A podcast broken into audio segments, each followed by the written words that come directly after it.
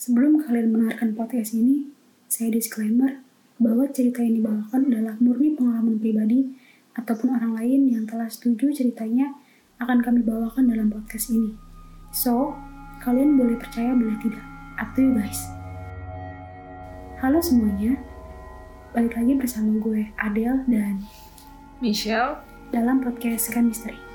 di episode kali ini gue akan menceritakan pengalaman mistis yang pernah gue alami.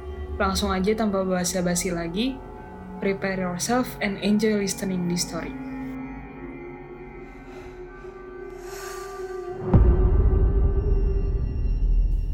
Kejadian ini gue alamin ketika gue SMP. Jadi waktu itu gue lagi nginep di rumah oma gue. Pas sore hari, gue tuh lagi duduk di kasur kamar gue. Di samping gue ada lemari. Terus gue perhatiin pintu lemarinya agak kebuka dikit.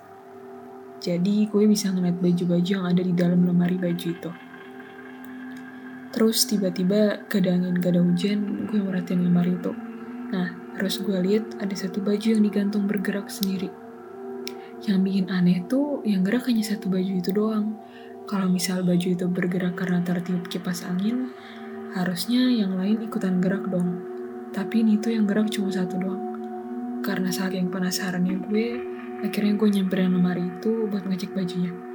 Ternyata pas gue cek, itu baju langsung berhenti bergerak. Kejadian ini gak hanya sekali dua kali, tapi kejadian ini sering gue alamin. Jeda waktunya sih cukup lama, sekitar dua harian. Terus gue inget banget sama cerita ini. Jadi malam itu gue sama kakak tidur di kamar yang sama waktu kejadian itu.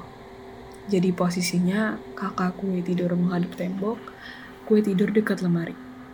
FYI, jarak kasur gue ke lemari itu masih ada space untuk jalan. Pas tengah malam, tiba-tiba gue kebangun dengan posisi tidur, gue menghadap lemari. Gue ngerasa tiba-tiba kayak dibangunin sama seseorang. Pas gue buka mata, gue masih setengah sadar tuh. Terus gue lihat samar-samar di samping gue persis ada anak kecil yang nyengirin gue. Karena gue masih setengah sadar, jadi gue gak takut.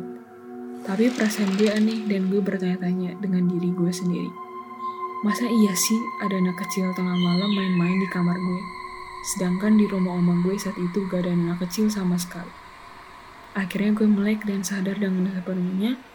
Pas gue ngeliat ke lemari itu, ternyata si anak kecil itu masih berdiri di tempat yang sama dan masih nyengirin gue. Untuk mukanya aneh, hancur, banyak darah. Tapi bodohnya, gue masih bertanya-tanya sama diri gue sendiri. Itu mimpi atau nyata gak sih? Semenjak kejadian itu, gue tuh setiap tidur di rumah oma gue merasa gak nyaman.